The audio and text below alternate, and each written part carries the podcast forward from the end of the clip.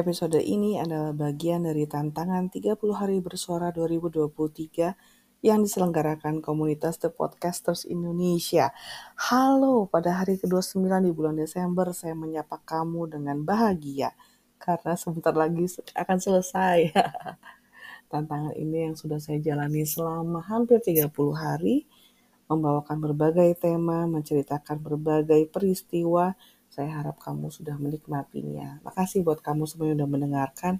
Dan mari kita berinteraksi. Boleh kamu kirim email ke randomness.insight.myhead@gmail.com atau mainlah ke Instagram saya randomnessinsightmyhead untuk tahu berbagai episode terbaru.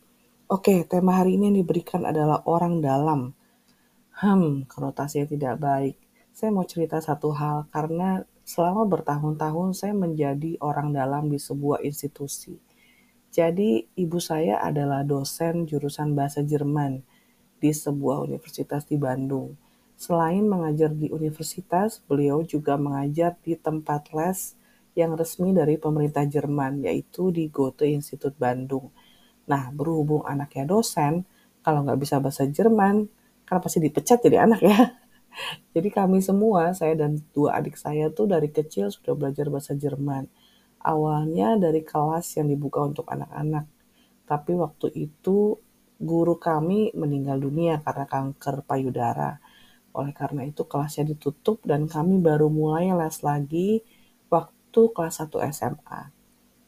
Kalau saya sukanya mengambil kelas weekend, jadi hari Sabtu itu langsung 5 jam. Jam 1 siang sampai jam 6 sore kalau adik-adik saya lebih suka kelas yang dua kali seminggu.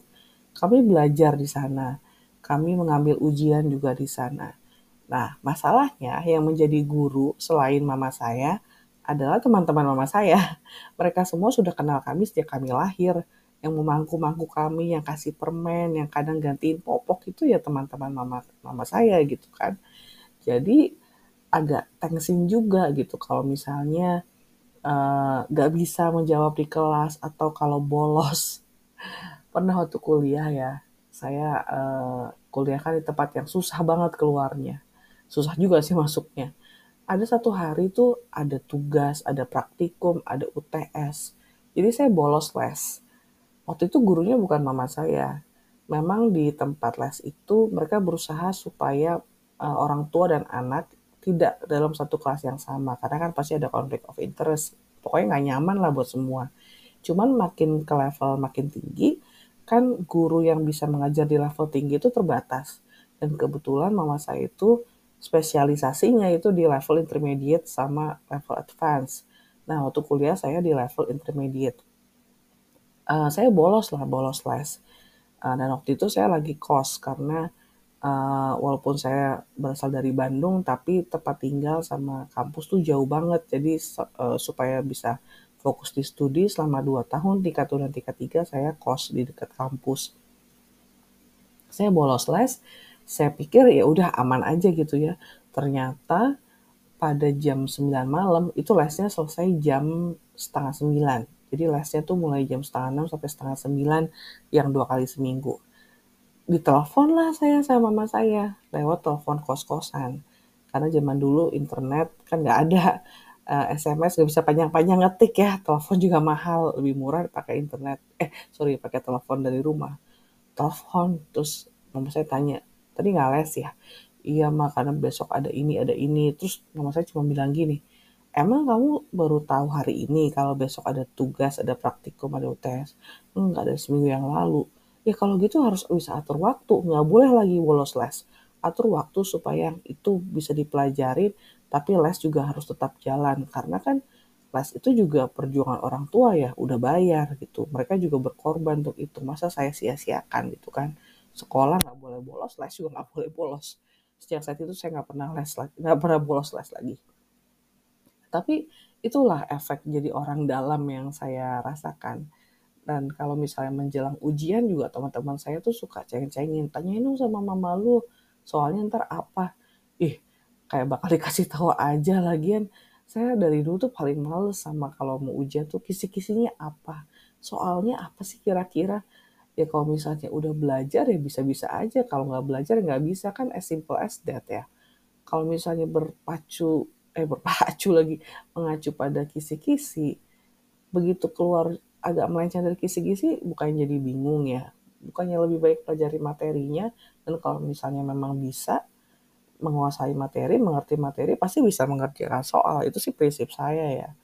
Ya gitu. Jadi walaupun misalnya mama saya bukan uh, guru di kelas itu, pasti mereka teman-teman sekelas saya itu pasti bilang tanya dong sama mama lu soalnya kira-kira apa eh paling males deh jadi orang dalam kalau soal itu udah gitu jadi orang dalam juga soal menjawab di kelas kalau saya kebetulan nggak tahu jawabannya atau saya salah menjawab karena kan bahasa Jerman ini kadang belibet di pengucapan ya. Nggak sebelibet Prancis sih, tapi ada lah beberapa pengecualian kayak huruf Z. Kalau kita kan dengernya apa? Z. Z, Z, E, T gitu ya. Tapi di bahasa Jerman, Z itu ditulisnya T, S, E, T.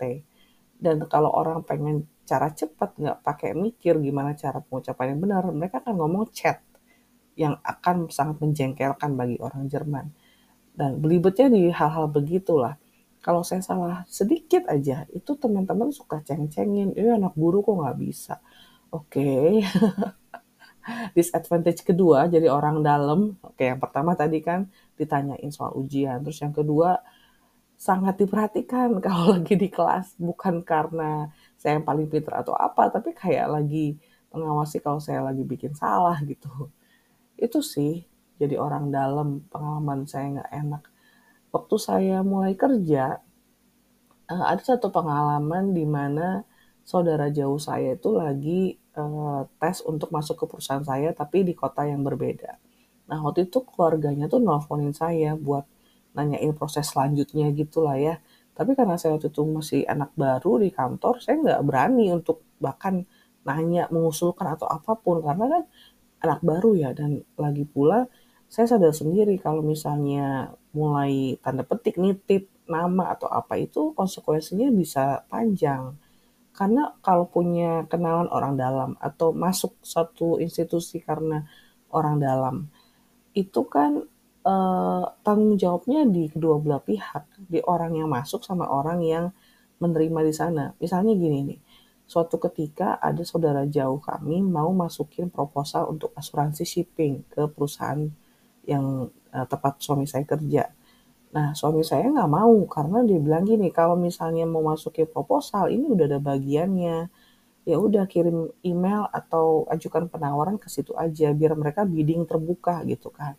Tapi si saudara jauh ini ngotot, lalu kan kerja di sana bantuin kek.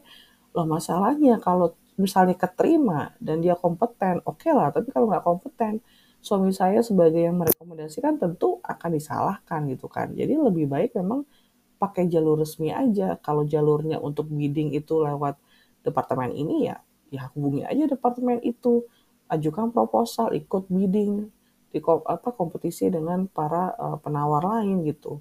Lebih baik begitu kan. Uh, sama seperti satu kali waktu saya tingkat tiga, uh, kan saya harus mencari tempat buat internship. Uh, nah, saya dari Bandung ke Jakarta kan have no clue lah ya mau lamar ke mana. Ya, memang saya punya daftar perusahaan-perusahaan di Jakarta yang mungkin menerima uh, alumni dari kampus saya gitu untuk internship. Itu ada listnya dan saya juga pede akan keterima di salah satu dari itu.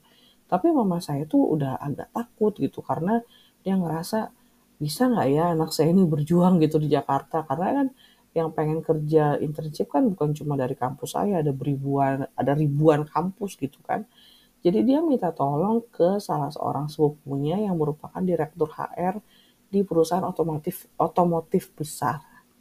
Nah itu ceritanya pada suatu arisan keluarga. Ujuk-ujuk mama saya nanya uh, itu boleh nggak tolong bantuin ini supaya masuk uh, internship Terus saya di situ marah, saya bilang sama mama saya, saya pengen berusaha sendiri. Kalaupun saya harus ngirim berbagai surat lamaran, ya udah biarkan aja prosesnya. Kan bukan cuma saya yang sedang mengajukan internship, teman-teman saya juga melalui yang sama. Terus alasan mama saya waktu itu adalah saya pengen ada kepastian kamu internship di mana supaya bisa cepat lulus dan lain-lain dan sebagainya.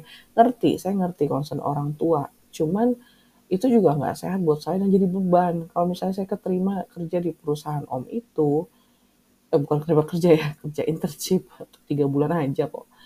Uh, itu saya akan dikenal sebagai orang dalam, yang dimasukin sama orang dalam. Dan itu kan juga nggak bagus gitu efeknya ke saya dan ke om saya kalau saya membuat kesalahan. Ya untung-untung saya nggak membuat kesalahan, tapi pas membuat kesalahan tuh efeknya itu lebih berlipat ganda dibanding kalau saya pegawai biasa yang diterima dengan proses rekrutmen biasa gitu. Akhirnya saya memang keterima di sebuah perusahaan yang uh, dekat dengan rumah uh, sepupu saya, jadi saya bisa tinggal sama mereka selama tiga bulan, ngehemat uang kos juga kan ya, terus bisa jalan kaki lagi ke kantor itu kalau lagi sengang dan nggak panas banget gitu ke Jakarta. Uh, semua ada jalannya gitu dan menjadi orang dalam, memanfaatkan orang dalam tuh nggak ada yang enak. Kalau misalnya bisa berupaya dengan jalur yang resmi, dengan kompetisi yang fair buat semua, mending upayakan itu. Itu sih pesan saya. Ya, sekian sharing tentang orang dalam hari ini. Ketemu besok di episode terakhir dari tantangan 30 hari bersuara dari The Podcasters Indonesia. Bye bye.